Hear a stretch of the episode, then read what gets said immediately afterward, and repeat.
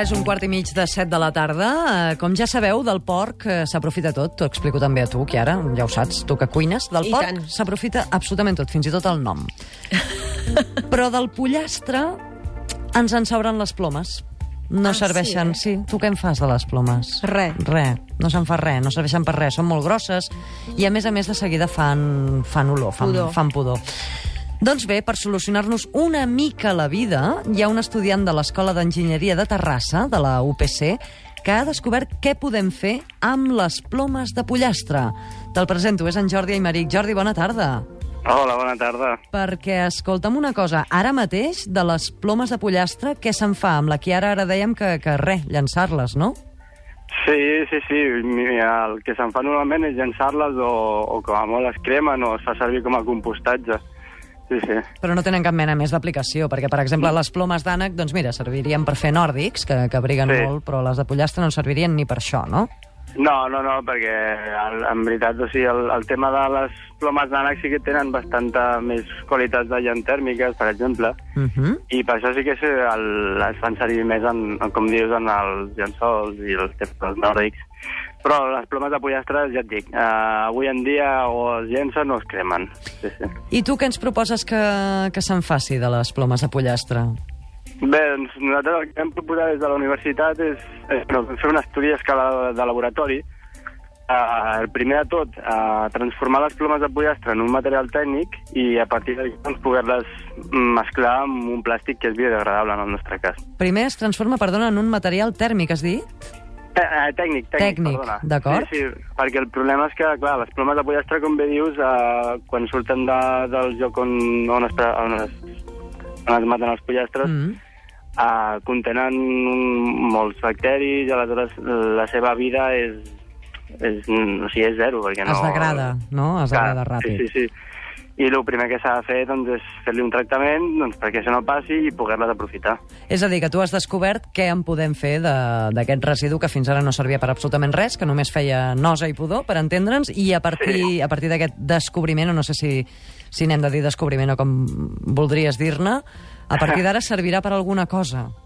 Bueno, nosaltres el, amb el que hem plantejat amb el grup de la Universitat de Terrassa, de, de l'Escola d'Enginyeria Tècnica de Terrassa, eh, doncs, bueno, és una sortida al, al aquest residu que, com dèiem, doncs es tira, doncs, bueno, nosaltres presentem una, una possibilitat de donar-li un ús, que, bueno, que ja és prou. I per què podran servir les plomes de pollastre o les coses fetes a base de ploma de pollastre? Doncs el, el tema està, com deies abans, que les plomes són lleugeres i són bones, bones aïllants tèrmiques i acústiques, i aleshores eh, encara les possibilitats no estan del tot definides, però podrien anar encarades sobretot en el tema de, de la construcció, en els panells aquests de llant tèrmic i acústic que es, fa, que es fan servir entre paret i paret, Mm. o el, el, el plàstic amb el que el, el vam fer mm, la mescla Mm. es fa servir en el packaging, sobretot, Ahà. en l'indústria del packaging. I, bueno, podria assumir les mateixes, els mateixos usos que actualment. Això sí que és sostenibilitat total, eh? Sí, sí, sí. Al màxim. Hi ha altres parts de, dels anima altres animals que, que es poden utilitzar, que no s'estan utilitzant? Teniu pensat alguna altra cosa? No, a veure, amb la, de moment no, perquè, clar, això, tot això són... Al final recauen el tema dels diners, clar. Mm. Quants més diners hi ha, més possibilitats tens d'estudi i, i aleshores sí que pots anar ampliant la recerca. I ara, no, Trobaràs I ara casos no seria un moment en què n'hi hagi molts, no? De No, diners. no, exactament. De fet, el, el tema aquest del projecte estava subvencionat per el que era el Ministeri de, de Ciència i Innovació, que avui en dia ja ni existeix. Imagina't. Imagina't. Sí, sí. I quant de temps ha- has estat o heu estat per desenvolupar doncs, eh, aquest projecte? Bé, jo, el- lo, com et comentava, això era una escala de laboratori. Aleshores, jo em vaig estar doncs, cinc mesos treballant en aquest projecte, però el projecte té una durada total de tres anys. Uh -huh. que són el que ara s'estan encarregant, avui en dia s'estan encarregant el, el grup de professors de, de, la Universitat de, de la Universitat de Terrassa, que són un grup que està, està di- dirigit pel Fernando Carrillo, i aleshores ells són els qui avui en dia doncs, porten la investigació endavant. Uh -huh. Escolta'm, i saps si alguna empresa o alguna institució mm, pública, m'aventuro a, a, a, vaticinar, a imaginar, s'ha interessat per aquest descobriment que heu fet i voldria donar-li alguna aplicació industrial? Bé, a veure, jo tinc entès que sí que hi havia alguna empresa, sobretot el tema, com et deia, de la construcció, perquè és, bueno, sempre sempre hi ha gent que està disposada una miqueta a, a investigar una miqueta sobre les coses noves, Mm -hmm.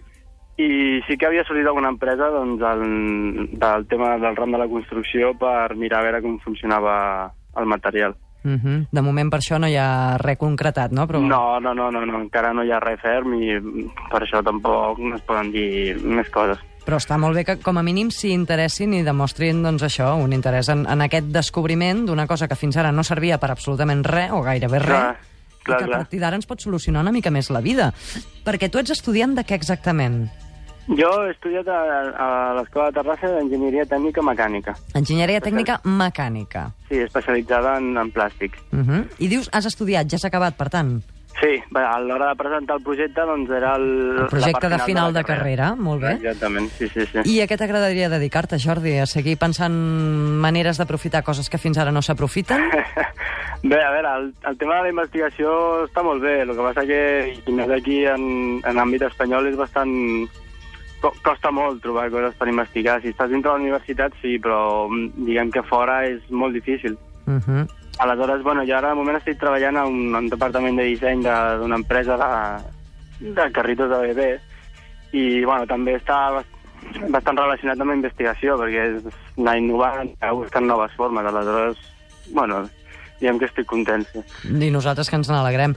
Amb aquesta recerca, hem de dir, amb aquest descobriment, recerca de què fer-ne de les plomes de pollastre, en Jordi Aymeric va guanyar el Premi CETIP 2011 Enginyeria i Societat del Col·legi d'Enginyers Tècnics Industrials al millor projecte final de carrera. De manera, Jordi, que des de Catalunya Ràdio i des del nom pots dir que no, aplaudim moltíssim, primer la idea, segon la iniciativa i tercer aquest premi que, que t'han donat per reconèixer la bona feina feta.